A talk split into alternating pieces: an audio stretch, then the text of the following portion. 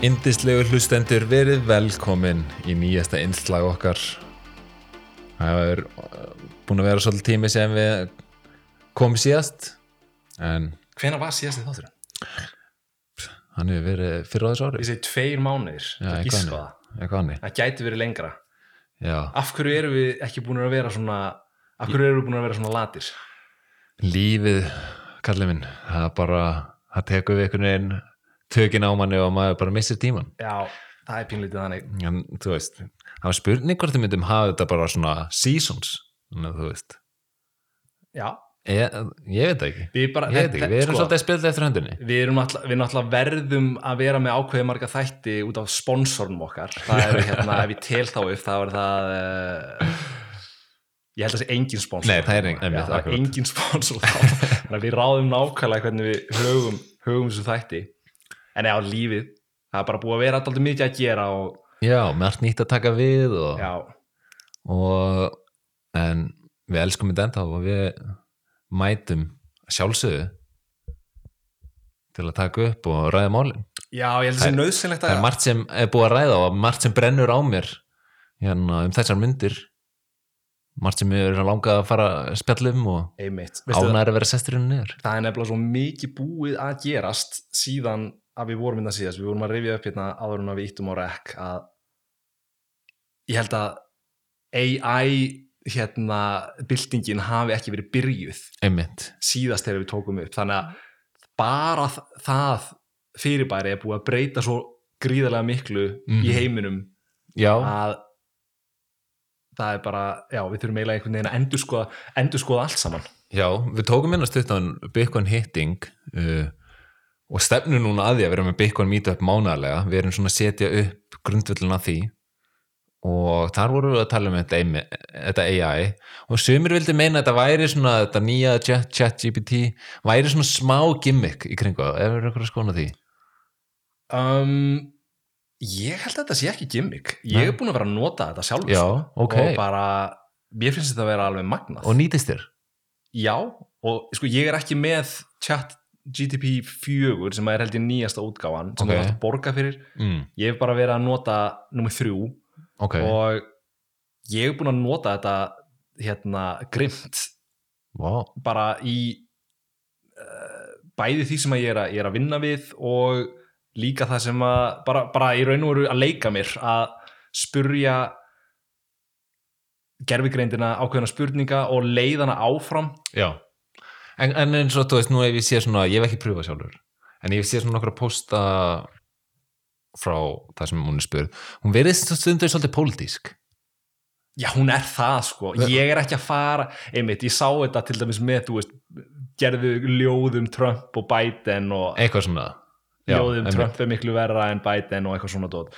Og þú veist ah, hvað á maður að segja, þetta, það kemur mér ekkert á óvart. Nei, það er bara, það, svona virkar heimurinn pínulítið og ég væri til að breyta því en ég er ekki beint að nota þessa gerfigreind fyrir fyrir eitthvað svona pólitíst ég er meira bara svona eitthvað svona praktíst sem að ég hef einmitt séð bara svona, já, þú veist, þetta getur skrifað kóða, eitthvað svona kóða já, og svona, það, það er bara, já, magna og þetta er, það er margt búið að, mikið vatn búið að renna til sjávar síðan við tókum upp síðast og þannig að við erum margt til að fara yfir klálega en að því að við erum að tala um hérna um, AI það, þú veist, það bara þegar að kemur einhver svona gríðarlega öflug tækni upp á sjónasviði þá og að því að við erum að stúdera Bitcoin svona mikið, þú veist, þá, þá er það óhjákvæmilegt þarna allavega svona í byrjum bara, ok, hvaða áhrif hefur þetta á Bitcoin? Já, einmitt, maður pælir þetta á Bitcoin? Akkurat,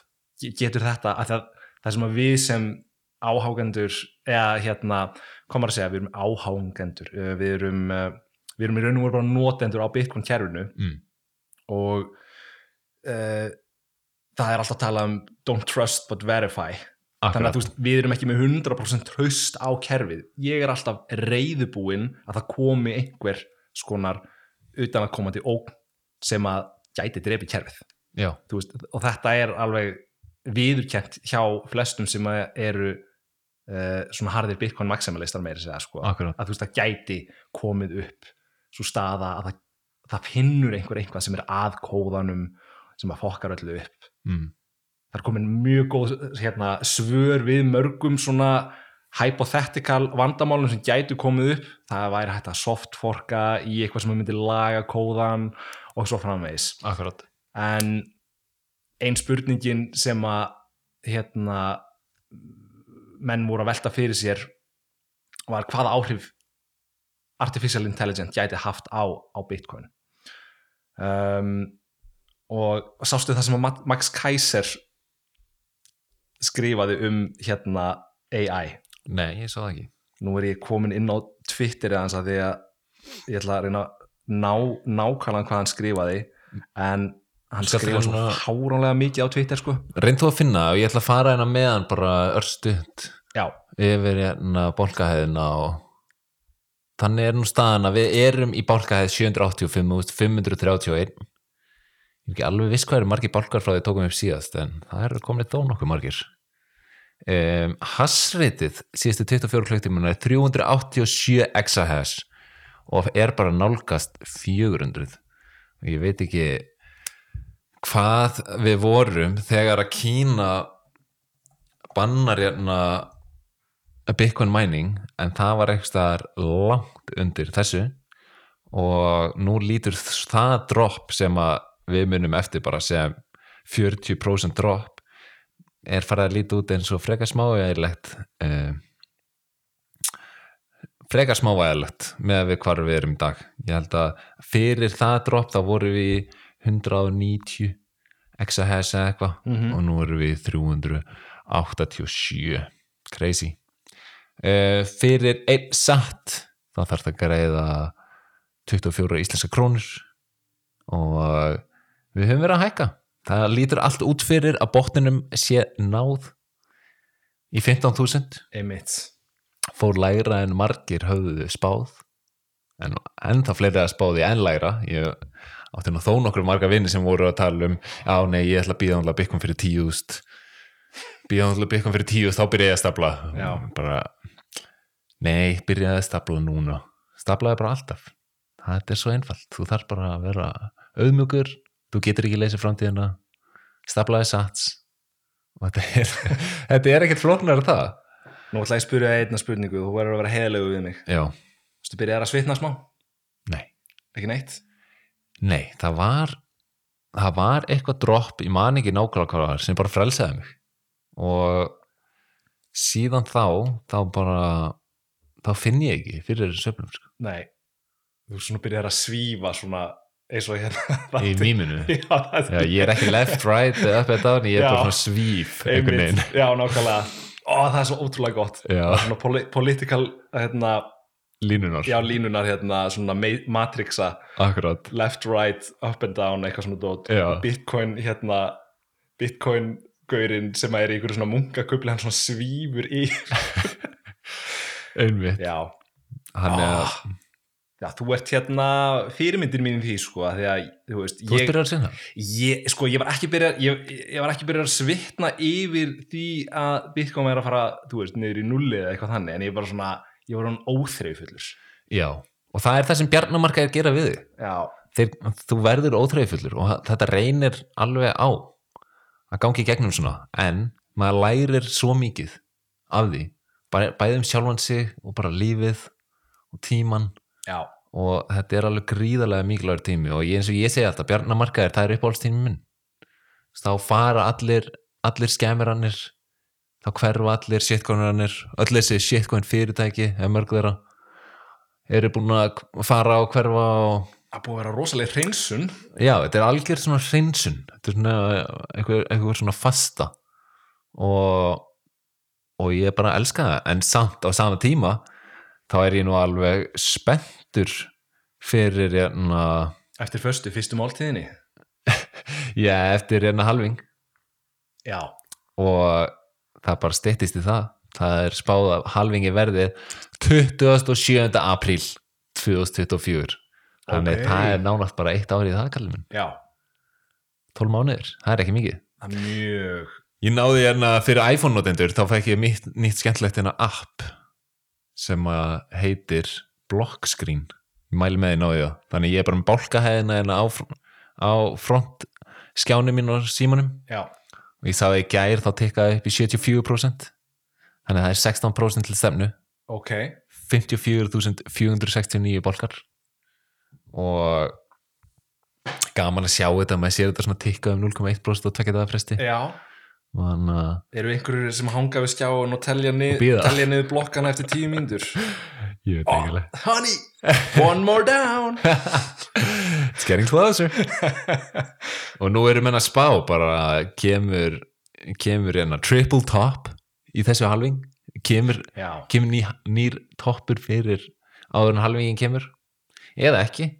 Og, og það er bara hérna, það er gaman að þessu. Það er bara svo gaman að vita af halvingunum og ma- þá er maður eitthvað eins og slagur mér finnst núna sko að það er hérna mér, fin, mér finnst hérna, ég er rosalega hlutlaus gagvært öllum svona spám og, og öðru slíku sko. Ég er nokkuð vissum að Bitcoin er á leiðinni til hægri sem sagt það mun lifa áfram með tímanum það fyrir til hægri og svo fyrir það upp. Ég er nokkuð vissum að það verði raunin en, en ímsið aðlar eru að spá rosalega stórum tölum núna upp á síkasti og alveg veist komið upp í og þeir eru reyndir ekki að nefna neina tímaskala sko. Nei, en veist þeir eru að tala um miljónir bandarækjadólara og svo framvegis. Já.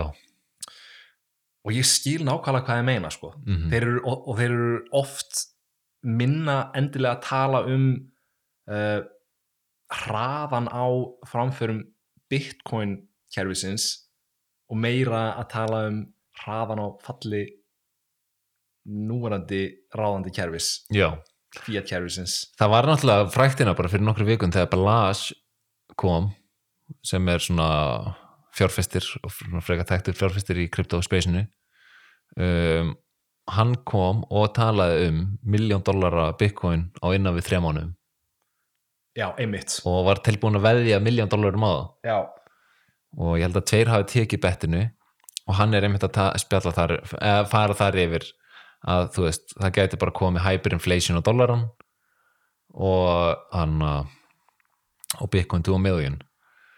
Ég set fyrirvara við öllu sem bara segir. Hann hefur verið gegnum tíðin að verið svona þekktur fyrir að vera í drastlmyndum mikið. Og eins og ég sé þetta þá er þetta bara svona auðveld marketing campaign hjá honum. Já, borgar 2 miljonar dollara fær ábyggilega 100.000 af fylgjenda já. á, á því að gera það og mjög miklu umfjöldun um sjálfum sig og eitthvað.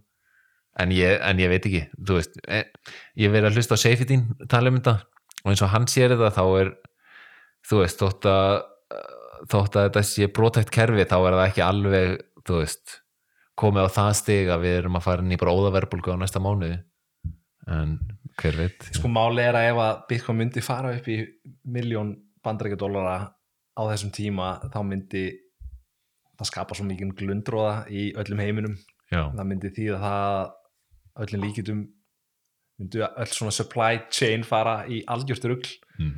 þá væri kannski ekkit neitt endilega gott fyrir uh, fyrir okkur á Íslandi. Nei, einmitt.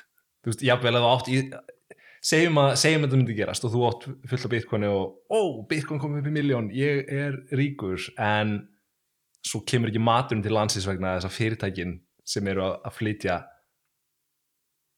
til Íslands hafa ekki lengur efnaði út af út af því bara að allar já, annarkvort hafa ekki efnaði á út af, út af, út af genginu og svo gætu líka bara fyrirtækin sem eru að okkur mat í erlendis frá e, fara bara á hausinn skiluru Já, ég held að það sem viljum er bara slow and steady og ég vil alltaf persónlega fá nægan tíma til að stapla meira. einmitt. Ég er ekki ennþá sattur og en er, ég verð nú að segja, ég á alveg góða félagi sem eru búin að vera helvítið duglegir að stapla þennan bjarnamarka og það er bara svo gaman að sjá. Ég held að the class of 21 er bara, þeir eru strong. Já, og það er verið að stapla bara grimt já. Og fólk er bara, þú veist, já þó, þótt að þessar sveiflur koma niður þá bara stapla er harðar. Og það er mjög gaman að sjá bara hvað þetta er orðið einhvern veginn. Þetta eru, þetta eru menn sem hafa ekki endilega farið shitcoin leðina, Nei. hafa sloppið hana þökk sé þessum sterka bitcoin maxa kultúr sem er orðin já, og já, bara gaman, virkilega gaman að sjá. Já, ég meina á þessum, á þessum early stages þá er þessi sitcom-leið, hún er svo óhjákvæmileg hjá langmestum að, að stíga allavega á öðrum fætinum inn á þá braut til að byrja með. Þetta, er, þú veist, um leið og um leið og byrjar að spyrja þig þessar spurningar, hva, hvað er peningur? mm, Hvað er þetta bitcoin sem ætlaði að tala um? mm, Ok, þetta er byggt á einhverjum hérna, bálkakeði og svo er alltaf að gera fullt af einhverjum hlutum. já, einmitt þetta getur verið hérna smart contract og, og ég veit ekki hvað og hvað.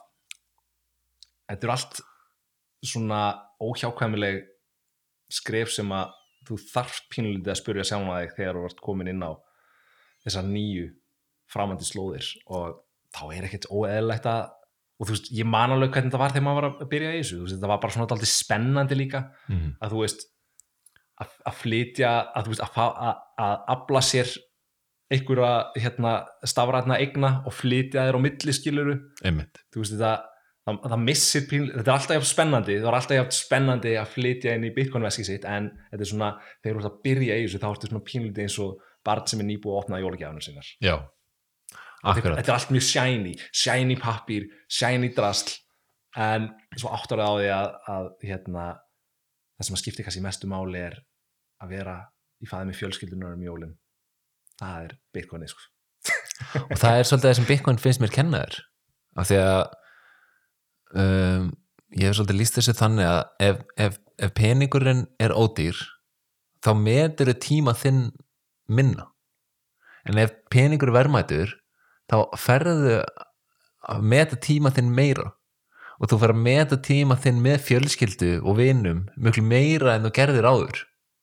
Og þess vegna hef ég séð svona líka bara fólk byrja, byrja í Bitcoin og eru að stafla það bara alveg en síðan að fara að átt að sjá bara wow, ég, þú veist, vill samt ekkert bara vera að vinna alltaf samlega Bitcoin, ég vil nýta tíman sem ég á, sem er þú veist, sem er svo, sem er hvað mest hörgul er, er bara, hvað sem er hörglasta, Hör, hörglasta eignin, það er tíminn. Ég meina, það er bara þannig. þú getur ekki búið til meiri tíma. Ekki nema, Nei. sko, þú getur ekki búið til meiri tíma en þú getur náttúrulega unnið í sjálfum eða sjálfrið þér til þess að lifa lengur en- lifa lengur og svo Akkurat. sko.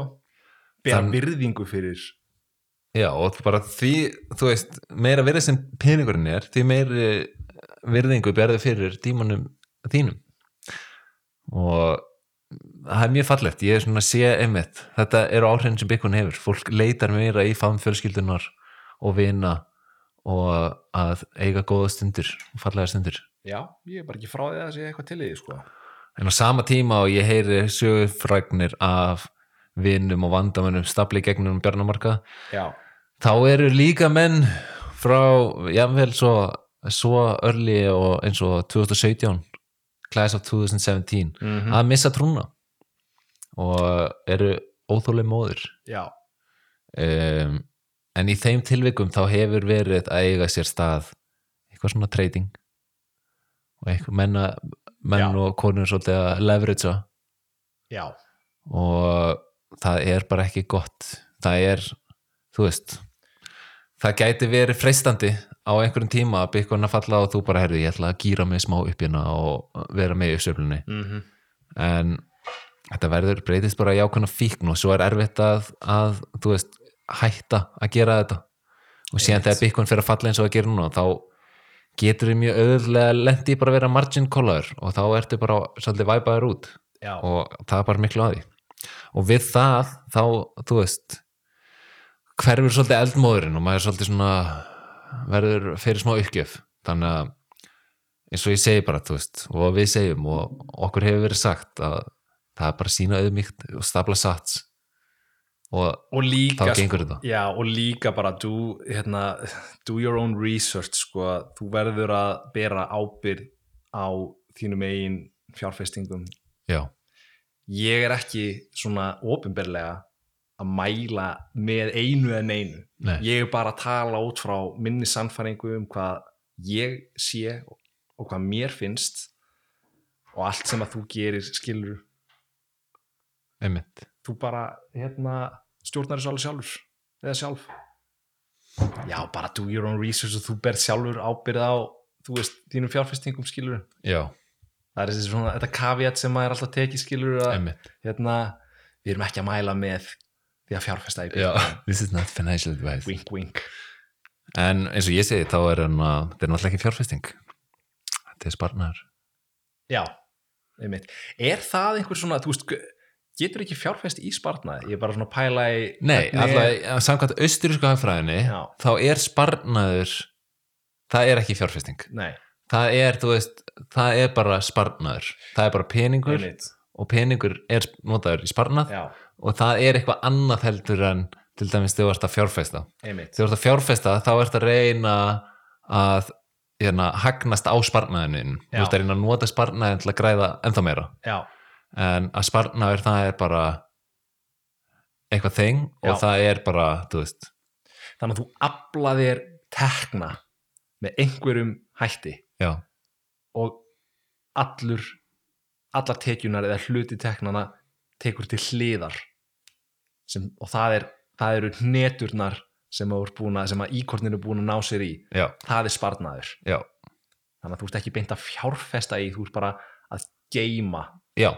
Já. og þess vegna er svo Bitcoin, þú ávakstar það ekki þannig sko, já, þú veist, það, Nei, þú ert ekki að fá ávakstun á það. Nei, þú ert bara að geima Bitcoin sem þú á einmitt. En þau hækka í kaupmætti af því að þau eru hörglari Einmitt. heldur en allir aðra regnir já, og það er vanlega svo eign sem er svona erfiðast að búa til erfiðast að búa til meira af sem að endar á því að vera þessu hlutverk spar, sparnaðar og þess vegna er hann að já, oft alltaf tala um þetta. Bitcoin er saving. Hann er góður hérna á Twitter Bitcoin is saving accountin og bara ég bótt þetta að followa hann þetta er bara svona, þetta fer allt í eina súpustundum sko. já, það er hann Piero Chart ok, og hann, þú veist, hann tala mjög mikið um þetta en það er hann, þú veist góður austurískur hagfræðingur. Já, og talar mikið um að þetta er sparnartekni og já, það meikar, það meikar svona sens út frá austurísku hagfræðinni. Einmitt.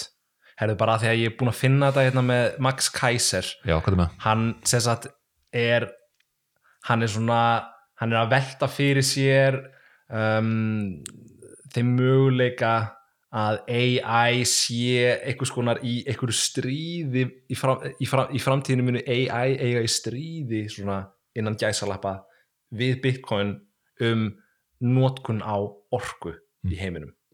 Og hann segir hérna battling AI systems will starve to death humans of energy.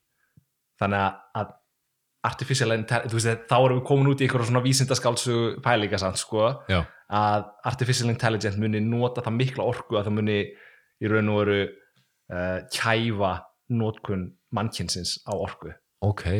En þú veist, þetta er náttúrulega bara hérna, maður hefur alveg heyrt ímis konar pælingar um hættunar sem að liggja í notkun og artificial intelligence. Maður þarf ekki að horfa, maður þarf ekki að fara lengur en að hérna, horfa á Terminator myndina skilur til að sjá hvað hva getur gerst. Um, en ég held að séu margir möguleikar í framtíðinni.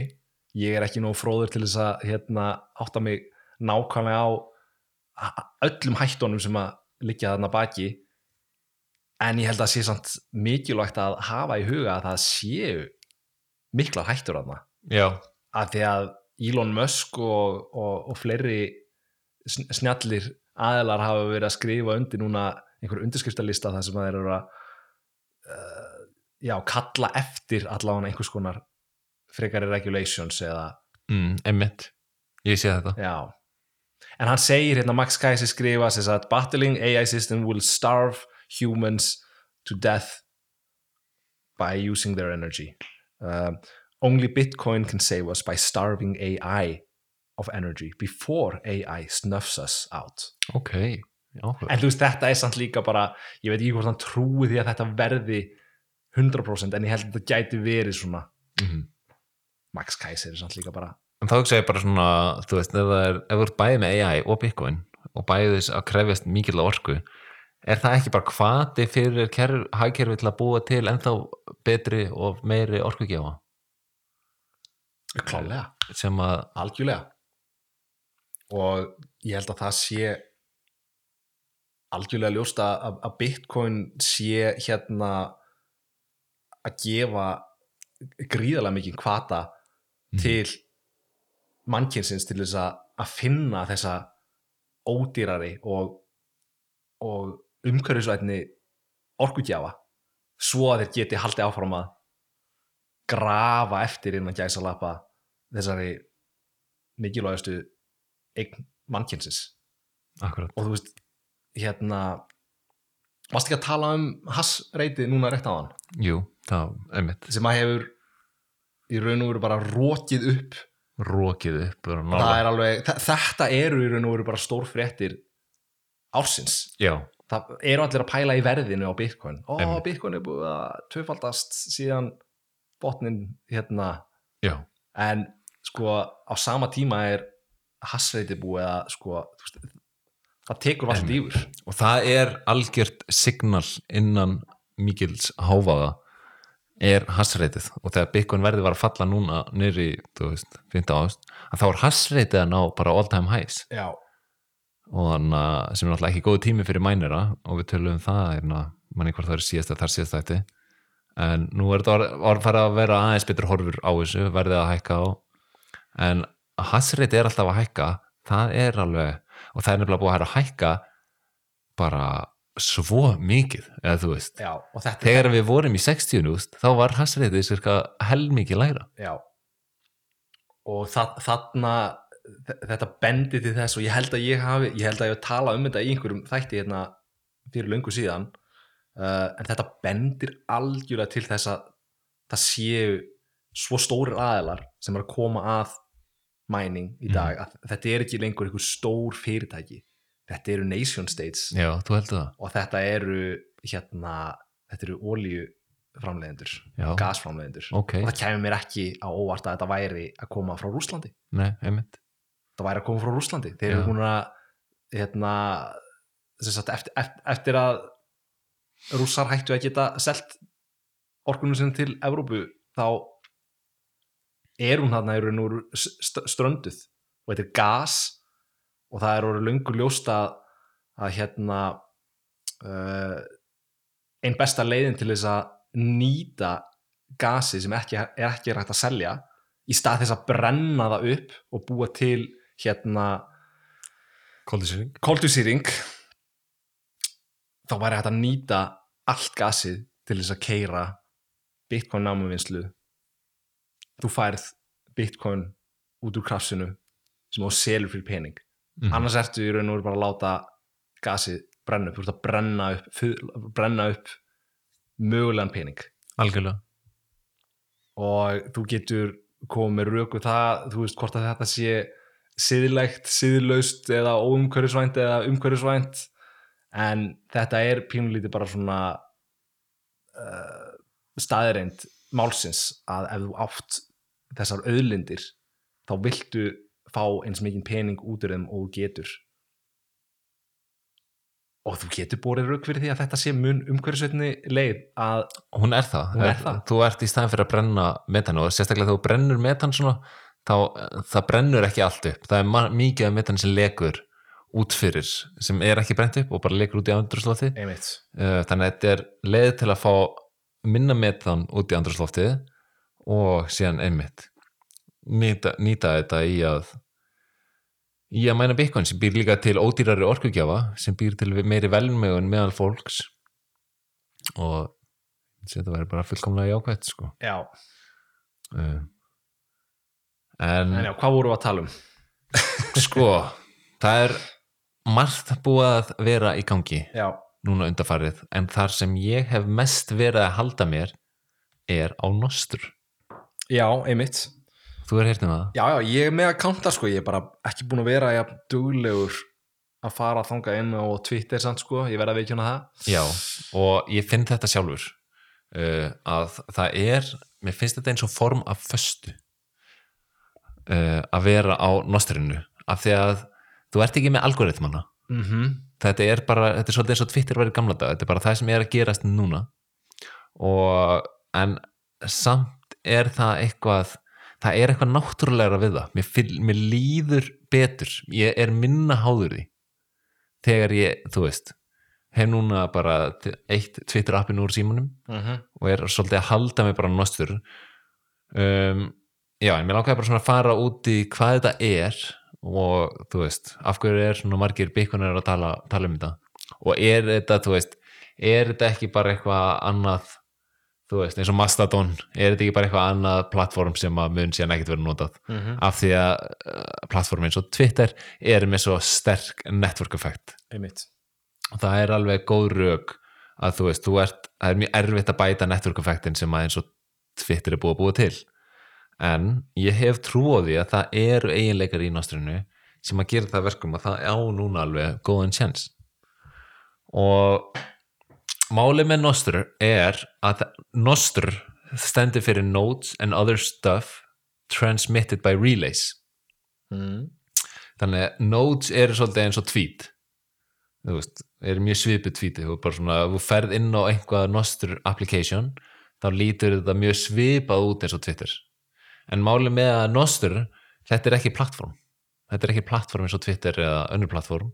Heldur er þetta protokoll eins og Bitcoin eða Ok. e-mail. Ok, og protokoll er í raun og veru bara samskiptareglur sem eru notaðar uh, til þess að eins og að búa til e-mail þannig að þú veist margir mismunandi e-mail plattform geta tala við hvort annað og eru að að tala sama tungumáli ég get verið að nota Outlook ég get verið að nota Gmail ég get verið að nota Hotmail. Hotmail. Ó, ég var með, með geggjað Hotmail í gamla dag sko. Já, fórstu eitthvað mann óvart inn á hotmail.com ég fór oft inn á það sko. ég fór einu sinni hann óvart og svo byrjaði ég að fara oftar og oftar. Um, síðan, já og, þú veist og það er nefnilega og það liggur svolítið í hversu magnað þetta er er að þú ert með alls konar mismunandi forrit að byggja ofan á þessu protokóli og ég hef persónulega verið að nota núna Damus sem er hana, svona freka þekkt í, í þessum nostur heimi og er iPhone app. Og það er bara magnað, þú veist, ég er búin að vera núna í svona tvo mánuði svona frekar aktífur og að sjá framþróðunina í þessu, það er bara með hverju öttitina verður þetta bara svona virknin bara betri og betri og betri og hana, virkilega gaman að sjá það en þannig sem þetta virkar er að þú ert með relays og relays eru e- eiginlega eins og nóða í Bitcoin mm. sem að þú veist tekur við enna, upplýsingum og síðan heldur utanum og dreifir þeim áfram. Og það sem þú gerir þegar þú býr til þinn nostur account er að þú tengist relays, kannski 10 5, 10, 20 relays. Mm og fyrir, þú veist, sum þá þarf það að borga fyrir það af því að þá er kannski einhver sem er aktivlí að sjá til þess að það er ekki spam á þessu relay. Já, ok, já, já. En, og það sem getur gerst er að þú veist, þú getur tengst við eitthvað relay en segjum sem svo að þú sért að posta einhverju sem er mjög óviðandi að þá getur þér verið bannað af ákveðinu relay. Ég skil, já, og, en, en, að, að þú, en þú getur samt alltaf tengst inn á önnur. Já, þannig að þú átt alltaf aðgangiðinn og þú átt alltaf þú veist, það, því sem þú hefur postað. Einmitt. En ef þú ert eitthvað mjög siðlaus að þá er hægt að fjarlæga af relays þannig að þá getur þú sem notandi bara tengst relay sem eru svona fylgja ákveðinu siðferði skilur og eru bara leifa ákveðið. Já, en, en ef þú ert ekki þar og þú veist sérstaklega ef ef að þú ert að tala þú veist fyrir ég veit ekki, bara ef þú ert að segja eitthvað sem eins og þú veist, ríki myndi ekki vilja að þú myndi vera að segja og það er verið að sensora þú veist sem sagt ósiðferðilega að þá, þú veist, ertu alltaf með sjensin á því að tengjast öðrum öðrum relays alltaf. Einmitt.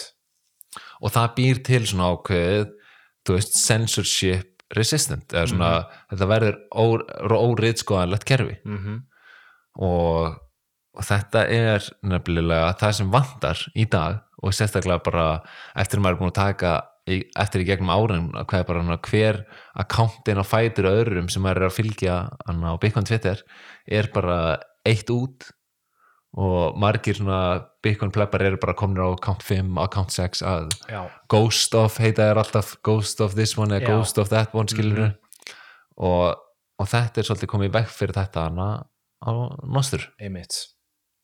Þannig að það er einn nettur vingill við nostrið það sem að þú veist, er náttúrulega ekki á nostur er þessi algoritmar. Það er, er svona, ég verið svona 50-50, mér finnst þeim stundum er ég bara svona, ah, ég væri til í algoritma bara alltaf sjá topp tweetin sem, eh, topp no notes einmitt, sem að voru síðustu 24 tíman eða eitthvað. En eða þú veist já, e e eitthvað, eitthvað í þá áttina en, myndu en þau tengjast við þessi relays algoritmanir já, Já, ég, veist, að ég, ég- ég, já. veit ekki hvort að þú veist, relayið myndi vera með algoritma eða hvort að þú bara myndir, þú veist, já, bara í raun og plugga veru inn einhverjum algoritma inn í já, þitt. já, já, einmitt En núna er áhugaverð það því að bara nýlega var Twitter að open sourcea sína algoritma já, og, en þetta gerist alltaf mjög áhugaverðin tíma því þetta er á sama tíma og þú veist, ég man ekki, var Elon Musk búinn að ganga frá Twitter-kaupunum þegar við tókum upp síðast þátt? Ég man ekki hvort að ég held það já, en þú veist það var allavega orðið þú veist, Vitað. já, ég held það. Já. ég minni það. Og það hefur bara orðið svo áhugavert að, að þú veist, maður er að sjá svo skýrt. Þú veist, ég ber virðingu fyrir Elon Musk og því sem hann gerir en ég sé líka að þú veist þetta er eins og Gigi segir, þú getur ekki búið til censorship resistant platforms það verði að vera censorship resistant protocols. Af því að ef þú ert með platform að þá er hægt að reitskoða og ef það er hægt að verða það gert. Einmitt, þú veist, in the end. Já, og þótt að Elon Musk er það ekki, þá bara næsti sem tekur við, hann mun gera það, skilur þannig að þetta er ekkert langtíma lausn á neinu að, að, að þykist ætla að búa til óriðskoðanlegt plattform einmitt. Það verður að vera bara innbyggt inn í prótokollinu að það sé ekki hægt að riðskoða mm og líka nýlega þá ég skipti Elon út Twitter fuglinum fyrir Doge hund einmitt, og, og það er svona áhugaður þar að ef Damus til dæmis myndi gera eitthvað svipað, bara trolla og setja hérna dótshundin inn í, inn í sitt app, þá get ég auðveldlega flutt yfir á Amethyst. Einmitt. Og Amethyst er, er nostur application Já. fyrir Android síma, ég er einmitt að nota það. Þú ert með Amethyst. Já, og það, þá get ég bara farið þangað og hætta hérna, hætta að pyrra mig yfir hinnu og það er svolítið svona ver, verður svolítið svona grundallar frelsi í þessu að notendur getur bara flakka svona fljótt á milli Já. og það býr til miklu meiri samkeppni í að búa til proper plattform fyrir notendur einmitt. Já, það meikar fullkomið sens og það er mjög gott dæmi um hvernig maður hefur stjórnvölin hjá sér en ekki sagt, Já, applicationið sem að þú neyðist til þess að nota. Plattform sem að applicationið keirir á akkurat. og notandinn hefur stærstu stjórn já, me- með mesta stjórnina. Já, einmitt. Einmitt, ég held, einmitt, þú varst aldrei þú varst aldrei pyrraður af hérna uh, Dogecoin hérna, tótinu var það ekki? Hjá Elon? Já. Jú, bara því að þú veist. Er hann ekki að, þetta, hann er bara að trolla hann er Jú. bara að grínast með þetta, er það ekki? Það hlýtur bara að vera. Ég þetta er meina- farið núna held ég sko. Já, ég þetta- sé þetta ekki hjá mér allavega lengur inn á Twitter. Nei, nei, þetta er líklegast alveg, þetta er líklegast troll. En, en samt hversu er þú veist, en samt þá hækkar Dogecoin um mörg Það er 10% og margir sem brennir sig á þessu og halda að þetta sé bara í alvunni og þetta gæti í staðin fyrir að trolla þá gæti hann verið að breyða visku Bitcoin. Já, en kannski er það ekkert í hans verkarring en, ma- en maður er samt svona, já þetta, þetta er þreytandi til lengdar. þetta er svona ég held, einmitt, ég held að hann sé að grínast og að trolla en hann er að gera ákveðin skada með þessu. Já, algjörlega. Hann gæti verið að, að taka eitthvað annað topic og, og grínast með það en þarna er svo mikið húi fyrir uh, allt mannkynnið Já, þetta er einhvern veginn, þetta er eiginlega of mikilvægt til þess að En ég tek hattin niður fyrir honum fyrir að þú veist expósa mikið af því sem hefur verið í gangi innan Twitter. Já, og bara svolítið svona, þú veist switcha þessu upp. Mm, en ég held að þetta sé eitthvað svona þetta er eitthvað svona beautiful sem gerist í lífinu að þegar eitthvað svona þegar eitthvað eitt það verður svona tveir, tveir öfgar sem gerast á saman tíma þannig að Twitter er að sensora alltaf fullu og þá á saman tíma á já, og og hann frelsar okkur svolítið frá því. En svo tekur þetta allt tíma. Þetta svo tekur tekur allt þetta tíma. adoptioni tekur tíma. ég er að segja bara tveimur mánum að vera inn á Damus þá er bara applicationi búið að gjör breytast og þetta er orðið bara fyrir utan algoritmana þá er þetta orðið bara nokkuð svipa og nota Twitter ok, þetta er ekki komið inn á Android, Damus. Að ég man nei, ég, þetta er bara iPhone. Ok, ég er ekki búin að vera mjög duglegur inn á Nostur sko. Nei, en ég bara tók eftir þetta er alveg svona þetta var svona uh, þetta var ekki beint flókið en þetta var bara svona þetta var samt svona pínulill frumskóur að átta, átta sig já. á. Og það sem þú þarft að gera þegar þú byrjar á nástrinu er að þú þarft að þú þarft aðlega að gera tvent þú byrjar að setja upp aðgangin eða þrenn, þú byrjar að setja upp aðgangin og þar færðu public key og private key svipað í Bitcoin. Og þú getur notað hérna já, nota private key til að logga þig inn Mhm. og hérna og síðan þarft að svona verifæja þig. Þannig að það kallast NIP uh, 05 svona verification. Og ég gerir mitt í gegn nosterplebs.com já, og þá er auðvelt svona að leita að aðganginniðinum þú veist, þótt þú sért ekki endilega tengdur við eitthvað sama relay, en þá getur þú samt fundið notandan auðvitað mm það er að fyrsta sem þú þarf að gera. Næsta sem þú þarf að gera er að tengja lightning URL adressu við aðgangin svo þau getur byrjað að sappa. Og sapp er þegar þú sendir einhverju notes sem hefur skrifið sats. Sendir um bitcoin. Og þetta er gert bara með LN URL og ég mæli með að fólk noti World of Satoshi. Að það sé custodial þá er bara svo auðvelt að setja það upp. Uh, þú bara, þú veist, downloadar appinu þarf ekki að gera neitt meira. Svo bara sækjur lightning URL adressuna þína, tengir hana við Damus eða, eða það application sem þú ert að nota fyrir nostur. Og þá getur þú byrjað að sappa. Eða það er hægt að sappa til þín. Og og þetta er bara 100% dæmi um það sem að hérna, við fjöllum um einu þættu og þú ert búin að vera mikið að tala um value for value economy. Já, þar sem að hérna, þú veist besta dæmi bara þegar þú fer í bæ og það er einhver að spila, á- spila á hérna, gítar með pípuhatt fyrir fram að sig. Einmitt. Og þú ákveður að gefa einstaklingum pening fyrir ómækið sitt því að þú ert að njóta listarinnar sem er fyrir fram að þig. Akkurat. Kannt að meta það sem að þú sérð. Mm og það er bara nákvæmlega eins þá hvernig þetta virkar í nostur já, þú kemur með eitthvað nót og ég þarf, ég þarf að æfa eitthvað, fyndi mím já, maður þarf að æfa þetta maður þarf að æfa sig að segja ekki tweet lengur já, sko. þetta eru notes. Þetta eru notes. Og þú hendir nokkrum eða ekki hendir, maður á að tala að virðingu um satt sko. En hérna þú þú, þú sappar satt á þann einstakling. Yep. Og einmitt. Og um, það er búin að vera svo áhverð sjáta því að þú veist, sumi póstar er að fá miljónir sats. Wow. inn á, á Damus og þú með miljón sats er, er það ekki 0,01 bitcoin? Jú. miljón sats er 0,01 bitcoin. Akkurat. Þannig að Holy- það er alveg talsverður peningur sko. já, það er talsverður peningur sko. já, það er, þú veist, 50, 50 skallega eitthvað. Já, þannig að þú veist, þetta er alveg og þetta er bara rétt að byrja. Og það sem er núna að, svolítið pyrrandi er að þegar ég ætla að sappa þá þarf ég að íta á taka og þá þarf ég að velja walletið sem ég vil sappa með og þá opnast walletið og þar þarf ég að íta á taka til að segja send. Þú veist, þetta hljómar ekkert mikið, þetta eru þrýr takkar sem ég þarf að íta á. En þetta er samt ákveði berjar mm þú veist, þetta er þetta er svolítið mörg skref og ég hef stundum ætlaði að sappa sem sé ég volið þetta komið bara, "Ah, ég nenni ekki núna. Einmitt. En það sem er að koma núna fljótlega er kallast hérna Wallet Connect.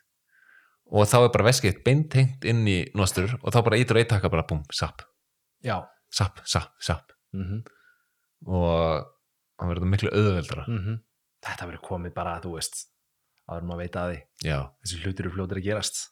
Sko. og það er bara nýbyrjað að hætta að sappa inn í Damus og þú veist, var mjög gaman að sjá það eftir komin, síðan fekk ég eitt sapp frá Gigi. Fekk ég hérna 210 Gigi sats.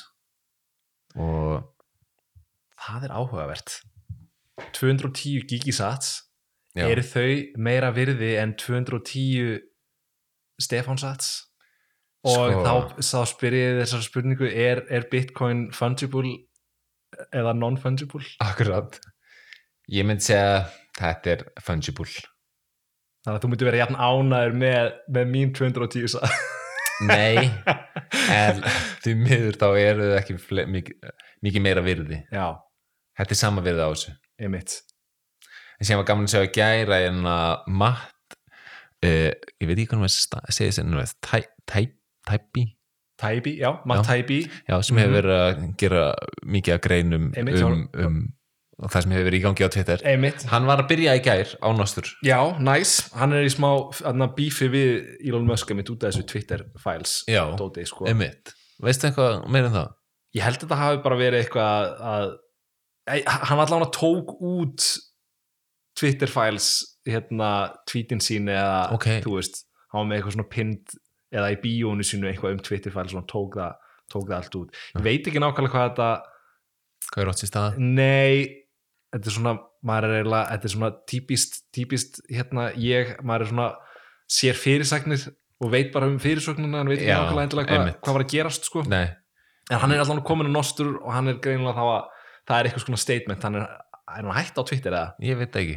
Ég get ekki ímyndum mér Nei, eins og ég segi, það eru gríðarlega sterk network effect. Ég er ekki að segja að nostur sé bara núna komið til að taka yfir. Þú veist, ég finn alveg að það er allt action er en þá í gangi á Twitter. Já, en ef það kemur eitthvað annað wave af svona censorship að þá, þú veist, þá byrjar þetta virkilega. Það er, og það er alveg eins og með Bitcoin í, á, á, á hérna, in the early days skilur þú veist, þú þarft að byggja björgunabátin já, einmitt, þú þarft að byggja björgunabátin hann þarf að vera tilbúin já, þú þarft að planta fræinu á trénu í dag svo þú getur setið í skugga trésins eftir 20 ár. Mm þú, þú ert ekki að fara að gera við tréð fyrstu 5 árin skilur fyrstu 10 árin, fyrstu 15 það er ekki fyrir en að tréð er búið að vaksa nóg hátt að þú getur borðað ávöxtin algjörlega.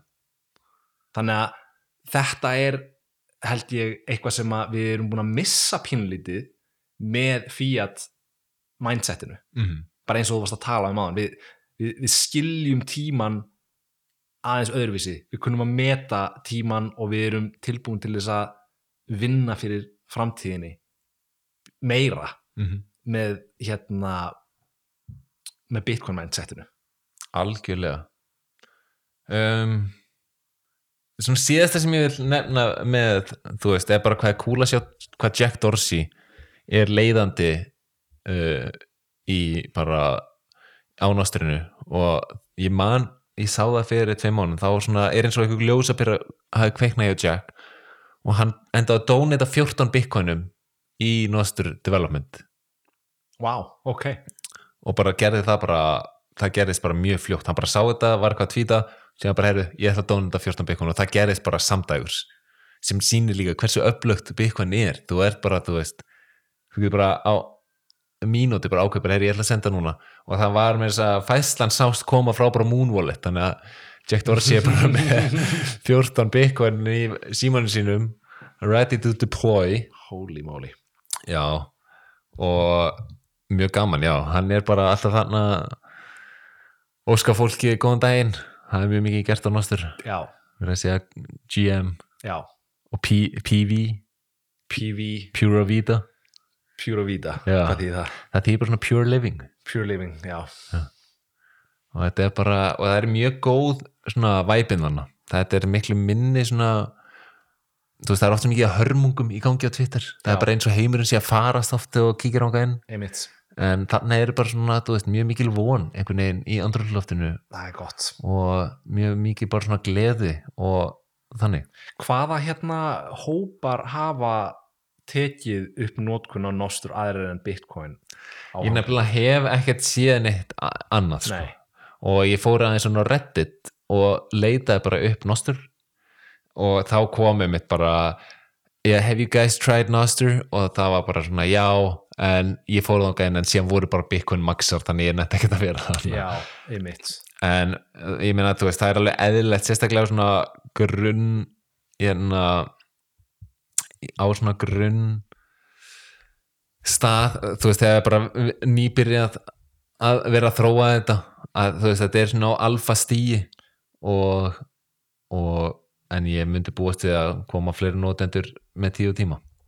Ég sá eitthvað um daginn með hérna uh, Minds og Nostr. Það var einhver til, að þú varst að tala um Mastodon þann sko, já, það er til ég held að það er til hérna einhver svona einhver svona samfélagsmiðl sem að heitir Minds.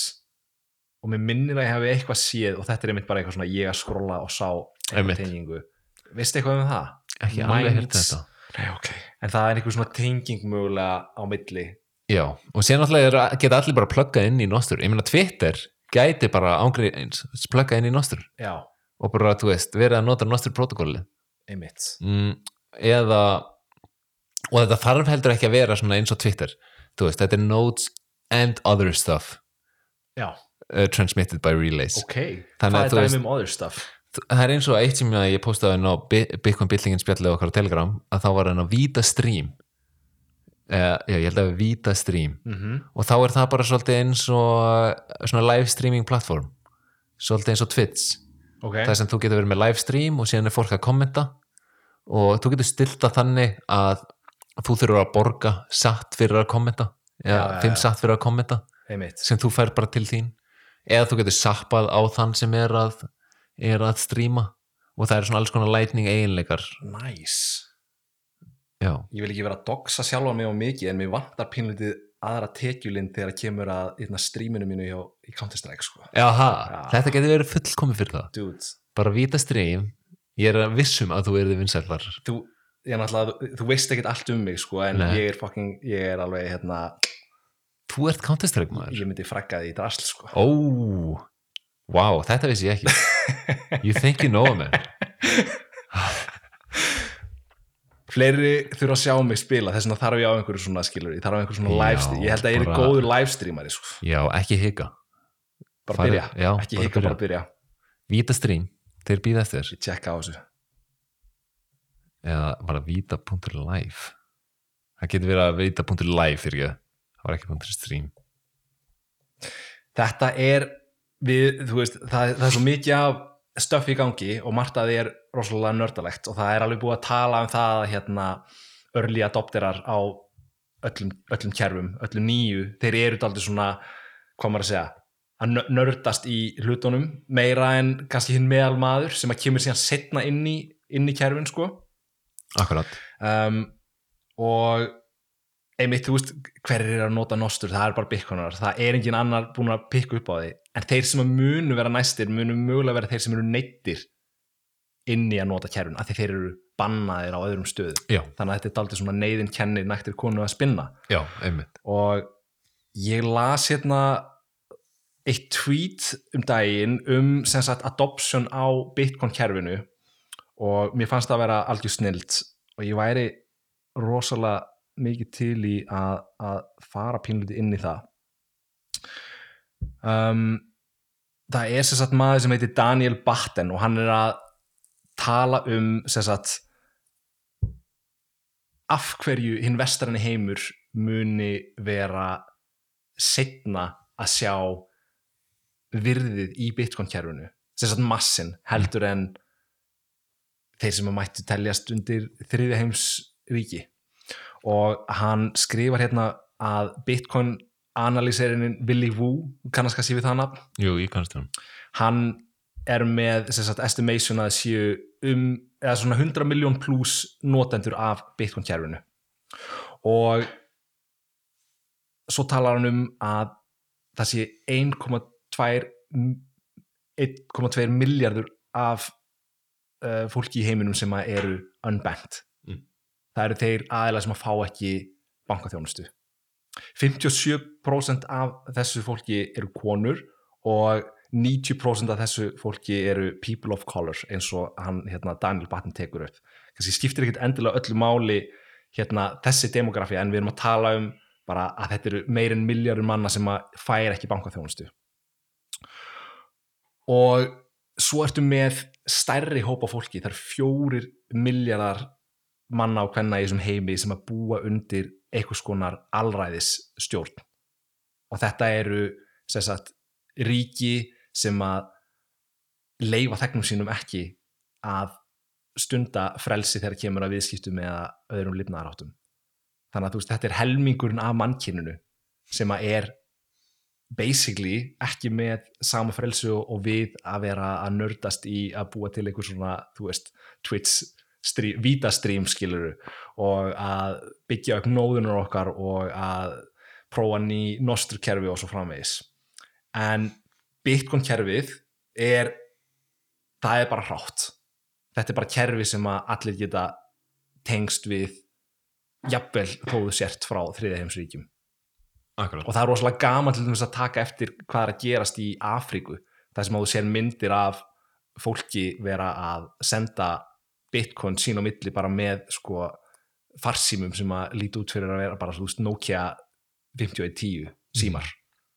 Þannig að þú getur, þú þarft ekki að vera með flottustu tæknina þú þarft ekki að vera með um, dýrustu þú veist, tækin til þess að taka þátt í þessu kerfi Einmitt, þú getur bara núna með SMS-kerfinu, þá getur þú notað Bitcoin Lightning kerfið. Einmitt, í Afríku sem er alltaf magna einmitt. Og svo nefnir hann að ekki nóg með það að þú ert með þennan massa fólki sem að er annarkvort unbankt eða undir allræðis stjórnum sem að gefa þér ekki þetta frelsi. Þú ert með uh, mörg ríki sem að eru nú þegar í dag byrjuð að upplifa þetta hyperinflation, óða verðbólgu og þetta eru Tyrkland, Líbanon, Argentína Venezuela til dæmis. Og þar búa til dæmis 300 miljón manna. Og við erum að tala um að í dag eru bara 100 miljón um það bil sem að nota Bitcoin-kjærfið og þetta er fólki sem að ætti að geta átta sig á virðinu á Bitcoin strax. Mhm. ég sá það bara núna í vikunni að Bitcoin hitti all time high í Argentínu. Á Akkurat, móti argentínska pesónum akkurat þannig að allar þessar spurningar hérna fó, einstaklingar sem að eru að reyna að skilja Bitcoin en skilja það ekki og eru bara eitthvað, hvað er eiginlega málu með Bitcoin? Hvernig getur það hérna, hjálpað mér? Akkurat núna á Íslandi þá getur lifað án þess að nota Bitcoin. En í aðstæðunum það sem að þú þarft virkilega á björgun og bátunum að halda í dag þar er þetta lífsnöðsynlegt til þess að lifa af. Já, og hann skrifa þessi Daniel hérna, Daniel Batten Bitcoin helps the unbanked because you don't need a bank. A feature phone plus some basic Bitcoin education is all you need to receive, save and pay. There's a financial revolution happening in Africa right now. The poorest in the world are leapfrogging the banking sector and going directly to internet native money, Bitcoin. This is why the continent of Africa is adopting Bitcoin faster than any other continent.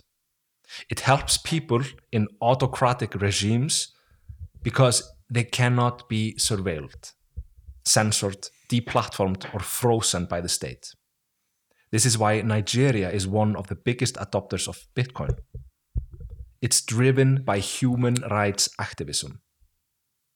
And it also helps women in Afghanistan because they can and do adopt Bitcoin Lightning wallets, which means state discrimination cannot deny them financial equ- equity. It helps those living in hyperinflation because it allows them to avoid 10 years of saving being reduced to half of its value inside a year. Þess vegna sjáum við að topp 10 þjóðinar sem eru að adopta bitcoin og krypto reynda líka skrifana eru sem sagt það er úr svona Tyrkland, Argentínu Filipsegar, Suður Afríku, Thailand, Indonésiu Brasilíu, Nígeria uh, UAE er það ekki hérna United Emirates hérna, Arabic Emirates. Einmitt. Og svo ertu með sem sagt, fyrsta Evrópuríki sem kemur þarna held ég alveg öruglega uh, já, The Netherlands, Holland. Hmm, þannig að þetta eru hérna þetta eru þetta eru topp ríkin hérna samkvæmt það. lista hérna sem hann er með.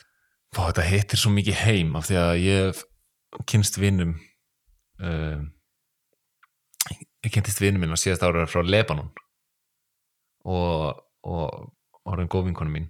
Og hún er frá Lebanon býr eins og á Spáni og hérna og það er bara, þú veist hún, það tók hana alls ekki langan tíma að fatta nei, það er bara, ok, eitt sem enginn getur búið til meira af í skil. Þetta hefur massíft notagildi. Af því í Lebanon, þá eru þau núna og bara þetta hefur gerst bara svona á nýla á síðust árum að díla við óðaverbulgu og gjaldmeðinlega er að bara upp. Mm og það hefur búið að vera áhugavert af því að þú veist, það er ekkert mál fyrir hana að kaupa Bitcoin, hún er með bankareikning á Spáni og þannig, en hún er að reyna að hjálpa vinnu sínum og fjölskyldu heima í Lebanon og kynna þeim fyrir Bitcoin og, og svolítið verið svona, já, segja hvað þetta sé og hvernig þetta getur hjálpað þeim. Að það er nánast ómögulegt fyrir einstakling í Lebanon að kaupa sér Bitcoin.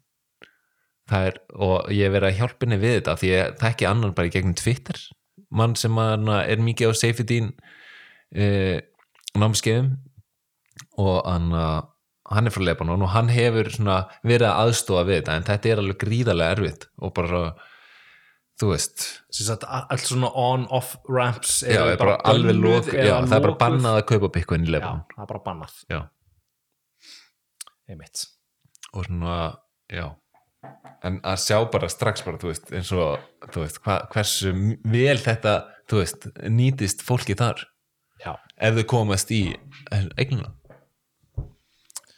þannig að fólki hefur ekki það verður að taka þátt. Það er neitt til þess að taka þátt í sökvandi efnaðsskipinu já, bara svo sorglegt svo sorglegt að horfa upp á það. Já, og en einmitt að þegar að fólk er eitthvað að segja að Bitcoin hafi ekkert notagildi en þá er það bara svolítið eins og okkar maður Alex Gladstein segir uh, they better check their financial privilege af því að það eru ekki allir ja, privileged og þetta lið sem að sem að getur svona nokkuð veginn stund að frjálsviðskipti einmitt og að segja að hafa ekkert notagildi þýðir bara að þú ert einstaklega privileged einstaklingur sem áttar ekki á að þetta hefur massíf notagildi fyrir yfir helming jarðabúa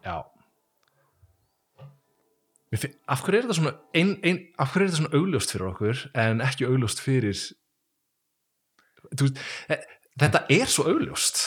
Þetta er bara, þannig er sannleikurinn oftast hann er svo auðljós en maður bara vill ekki sjá hann. Það er bara svona egoið og fleiri fleiri hlutir sem að vef, vefjast fyrir þér og, og það reynist bara greiðarlega erfitt að átta þessu einföldum hlutum. Þetta er svona svipað þegar ég er að spila Zelda í Nintendo að lausnin er fyrir fram að mig allan tíman en ég er bara held áfram eitthvað að berja tröllin og, og bara skjóta allar niður. Þegar ég þurfti bara rétt að fara að handa við hornið og grípa einn hlut og þá er ég góður wow. þannig að þú veist, oftast þá er svarið einfalt en það virðist flókið að finna það. Einmitt.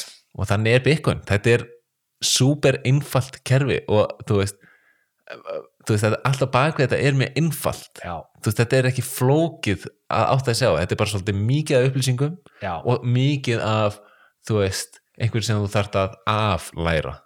Einhver sem þú, þarf, sem þú hafðir lært sem að nýtist ekki í þessum nýja heimi sem þú þarft svolítið að ná að leggja til hlýðar og fá, fá inn þessar nýju upplýsingar. Ó, veistu það, ég með einna tweet fyrir frá mig sem er, ég verð að lesa þá núna sko, sem sagt change is hard for old timers. Paradigm shifts never occur without severe resistance from the status quo. Heliocentrism was hard.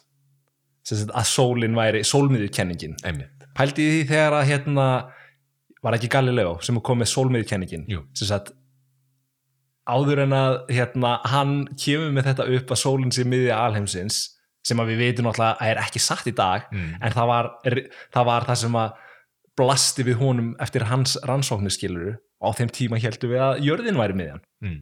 hann var brendur á báli fyrir það. Það var brennður á báli. Galileo var brendur á báli er ég alveg nokkuð vissum wow. Skulum hérna hafa samt alltaf, alltaf ákveðin fyrirvara á öllu sem að ég segi. En við minnið það já að Galileo hafi verið hérna brendur á báli. Svo kemur hérna áfram, heldur áfram sko. Electricity was hard. Hefur ekki séð, hún poppaði upp mjög, poppar upp mjög reglulega eitthvað svona propagandamynd sem var svona teiknuð mynd af fólki, eitthvað svona sem var hérna á átjóndöld sem var að brenna á einhverjum svona ramaksstaurum skiluru, Jú, ég sé þetta og svona rafmakslínur út um allt. Einmitt og einhver hundurinn meira þess að líka að brenna skiluru, þetta var hræ, bara, hey, sign me out. Já, ég ætla ekki að vera að kaupa eitthvað ramag bara ko- komdu með kól komdu með timbur. Þetta er bara kjaftaði Cars. Cars was hard Já. skilur af hverju, það, af hverju þarf ég af hverju þarf ég bíl? Mm. ég get ferðast hérna um á lestum. Hérna, hefur ekki, þú veist, allar mynd allar hérna þessar svona romantísku myndir að sína fólki í lestarferðum hérna, alveg uppstrílað situr um og það er einhver þjóttn að labba með hérna heitan mat í bakka. Þú fær þetta ekkert í bíl frá Ford. Einmitt. þetta er bara kjaftaði, ég ætla ekki að kaupa bíl. Computers were hard. Hvað á ég bara að kaupa tölvu sem að fyllir hérna allt herbergi mitt og ég get ekki, ég get ítt á eitthvað bíp, bú, bíp, bú, bíp hvað ég að gera á þetta? bara sign me out, ekki sjens the internet was hard Paul Krugman hann sagði okkur að þetta væri mesta fad hérna 20. aldarinnar Já. it's gonna be dead in a few years Já, no, no greater impact than the fax machine og svo Bitcoin is hard Mhm. það er bæði figuratively hard af því að það er erfitt að átta sig á því sem fyrirbæri. Mm. og svo eru þetta líka objectively hard, the hardest money we have. Þetta er alveg magnað. Og, og bæta á þetta þá er tala 0 sem við fjalluðum um hérna með þú veist, það var erfitt bara fyrir samfélagi að taka það, hana í sátt. Einmitt. Það var, já, ó það er svo góð grein hjá honum hérna Bríðlof sko. Já Þannig að þetta er, þetta er svo einstaklega satt hjá honum. Hver tvítið þetta? Ah, byrju, byrju, ég með þetta hérna loka þessu. Þetta er svo einstaklega vel orðað. Þetta er bara og þetta, eh, þú veist, maður veit þetta. Mm þetta er, og þetta, þú veist eins og það segir svona, kennir í gamlum hundi að sitja? Nei, einmitt um, þetta er bara, þú veist erfitt fyrir fólk veriðist að átta sig á því að því það sem það telur vera satt er það mögulega ekki. Einmitt. Þetta var Dr. Jeff Ross. Já, gott follow. Já, hann er góður sko. Já, já, já sko, mm. það er þú veist, við getum við getum haldið áfram að, að það var náttúrulega mjög gaman þegar að einhver uh, random bitcoiner fattaði að þegar hann var að fara í gegnum makkin sinn já, og tók eftir þegar hann fer inn í eitthvað svona system administration folders og eitthvað svona algjört algjört hérna uh, einhvern, einhvern frumskóg af einhverjum möppum og skjölum og þá tekur hann eftir það er eitt skjál sem er ekki einu svona mert uh, eftir Bitcoin white paperinu en þá ítar hann á það og það er sem sagt Bitcoin white paperið er inn í öllum stýrikerfum á Mac tölvum, nýju Mac tölvum þetta sá ég. Já, allar tölfur frá 2018 inniheldur The Bitcoin White Paper. Og þetta er í gegnum einhvað þetta er í gegnum einhvað bara, þú veist, þetta er bara eitthvað svona random fæll, þetta er bara svona placement fæll held ég, til að ég veit ekki nákvæmlega fyrir hvað notkun en að, að það er oft bara svona random fælar með einhver svona random upplýsingum. En í þessu tilviki þá var plantaðir Bitcoin White Paper sem síðan fer í allar maktölfur sem hafa verið gerðar síðan 2018 og þetta er án þess að nei, tali um þetta.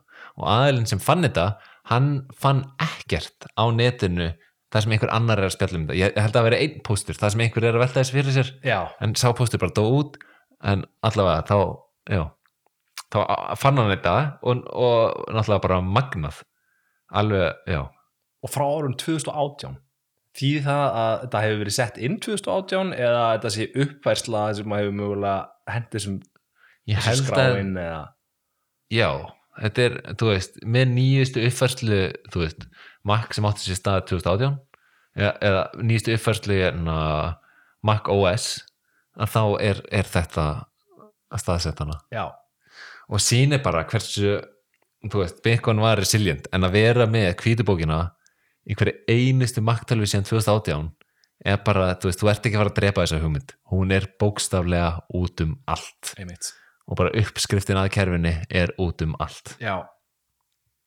Já, er þetta bara er þetta til marg sem það að Apple er að fara að byrja? Að- ég veit það ekki, nei ég held ekki, Nei, mér finnst þú veist, að heyra þá tala um þetta það er eins og þeir sé ekki alveg að fatta þetta.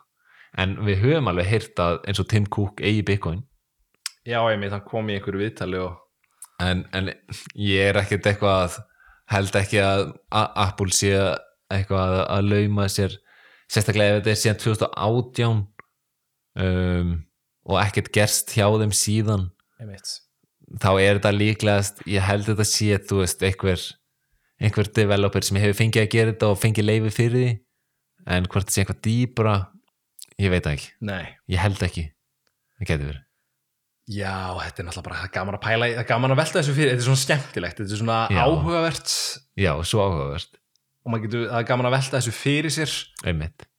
En já, þetta er ekki beitt eitthvað svona signal um, um neitt sem að mun, mun koma en bara, en það væri náttúrulega, þú veist, mjög gott fyrir Apple þú veist, þeir sitja á svakalegum peningum.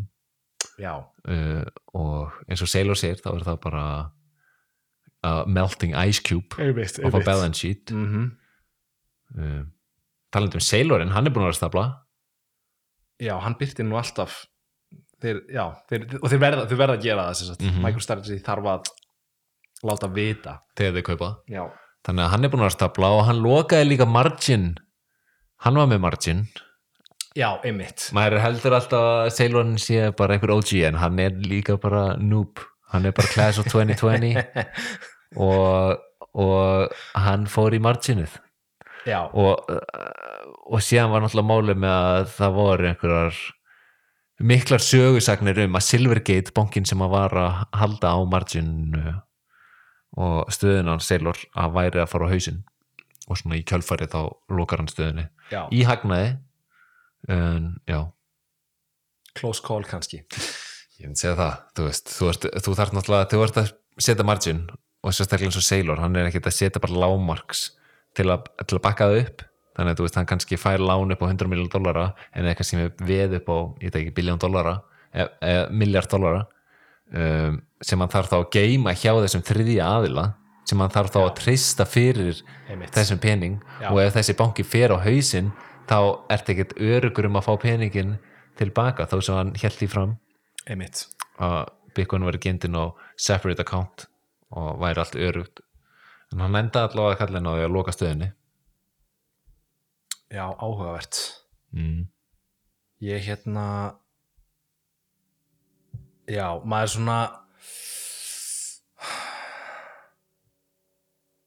ég verða að viðkjöna sko, einmitt, að því við vorum að tala um bear marketin áðan sko, maður er svona búin að fara smá í eitthvað svona bjarnar nú bara ekki beint eitthvað, eitthvað lægð en bara svona hibernation sko. Já, einmitt. Sem er einu ástæðan fyrir því að við erum kannski ekki búin að vera neitt, allan að ég persónulega búin að vera svona meira óvirkur sko. Já, það er alltaf, alltaf gott spjall í gangi á Telegram og allt það sko. En nú er einmitt eins og við rættum um eitt ár í happening. Ertu að, hvað, hvað heldur þú að segja að fara að gerast? Bara svona, ég kemur ekki orð að við myndum sjá topp fyrir halving.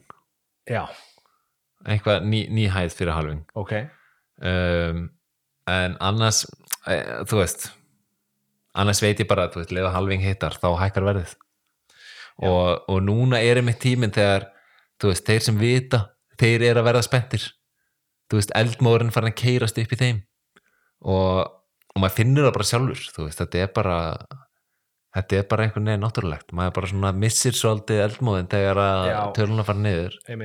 Og, þe- og þá er bara svona minna í gangi og minna excitement og, og það er líka kannski bara góður tími fyrir mann persónlega til að fara og fókusa á fjölskylduna og vinni og, og önnur verkefni. Einmitt. En síðan er náttúrulega bara, þú veist, gaman þegar það fer alltaf flug og maður maður finnur bara sjálfur bara allt. Bara, maður verður svo spenntur og, einmitt, halda áfram að breyða þessum bóðskap já, þannig að ég veit ekki, ég reyna að dæma mig ekki of mikið fyrir það en, og lifa bara svona í flæði með Bitcoin. Vá. Það er fallega sagt ég er hjartanlega sammála. Og það sem við höfum verið að gera núna er að við erum að, eins og ég sagði í byrjun þáttur eins að setja upp hérna svona Bitcoin meetup. Einmitt. uh, það var einn ein úr hópnum sem að heyrði í honum Gigi og spurði svona hvað væri það besta sem að hann geti gert til að efla Bitcoin samfélag í Íslandi. Og hann sagði, nummer eitt er að vera um podcast. Og hann sagði, já það er, það er reyndar hérna, tveir strákar með podcast. Og það er hérna og hann sagði, ok, flott, þá er það komið. Og næsta er að vera með meetup, reglulega meetup. Hann sagði, þetta er mikil vinna að vera að halda utan um þetta Mm en þetta hefur gríðarlegan ávinning. Já, og eflir samfélagi bara massíft. Einmitt. þannig að þetta er það sem við viljum gera erum að setja upp Bitcoin only augljóslega meetup þar sem við hittumst planið er þriðja fimmtudag hvers mánar Já, og verðum með svona litla kynningu, litla kennslu og síðan bara spjall snild. þannig að þið megi búast við hana, meiri upplýsingum um þetta Já, á næstu missurum á Telegram grú, grúpinu okkar. Já. Hvernig, hvernig getið þið fundið okkur? Ég meina, þú ert að hlusta á núna. Halló, þú ert að hlusta á okkur akkurat núna. En hvar getur þið komið í sagt, samskipti við okkur? Við erum á Telegram, já, Bitcoin byltingin, akkurat svo erum við á Twitter, við erum með allt byltingin þar. hvenær byrjuðu að nostur? Bara, þú veist, bara um leið og við stoppum þessa útsendingu örugglega. já, ég held að Við erum allavega að ná takkinu. já, við verðum á því, byltingin Ég trúi því allavega að við höfum náð takkinu hérna at byltingin á Twitter. nei, Af því það er svo mikið, íslenska Twitter sko, einmitt love it or hate it, ég er bara, ég er líka að segja neitt, en það eru miklu byltingasinnar þar sko. akkurat Þetta er svona rótækt fólk inn á, inn á, inn á Twitter, mm Twitter Ísland sko. akkurat Maður kemur á óvart að það hafa ekki verið búin að snatsa byltingin, byltingin sko. þannig að já, það væri, við verðum á því. Já, við erum að gera um, Annars bara hérna annars sjáust þið fljótt aftur. Já, við skulum taka allána eitt fyrir sumarið. já, það væri næs. Já. smá, smá uppfæsla Mm tökum eitthvað skemmtilegt málinu, ég vil gest Algjörlega, tökum gæst. Þetta var meira Og- bara svona við að hittast núna eftir langa tíma, aðeins bara svona, við vorum ekki búin að undirbúa þetta neitt, en þetta var flott. Fórum yfir svona stóru, nokkra stóra svona pillars af því sem hefur verið að ganga yfir. einmitt. Og já, vonust bara til að fá einhverja kannski að gesti komandi aftur. Já, og að heyra þessi yfir hljóðið. Það er já, mikið af fólki sem væri til að spjalla aftur við og fá svona uppfærða stöðu klálega. hvort eitthvað hafi breyst í hugafæri fólks eða, eða hvernig sem það nú er Ég vil fá að vita meira. já, Ég vil fá að vita meira. yndislegt, yndislega stundir Og bara þökkum við kjallaði fyrir í dag. Verið sæl.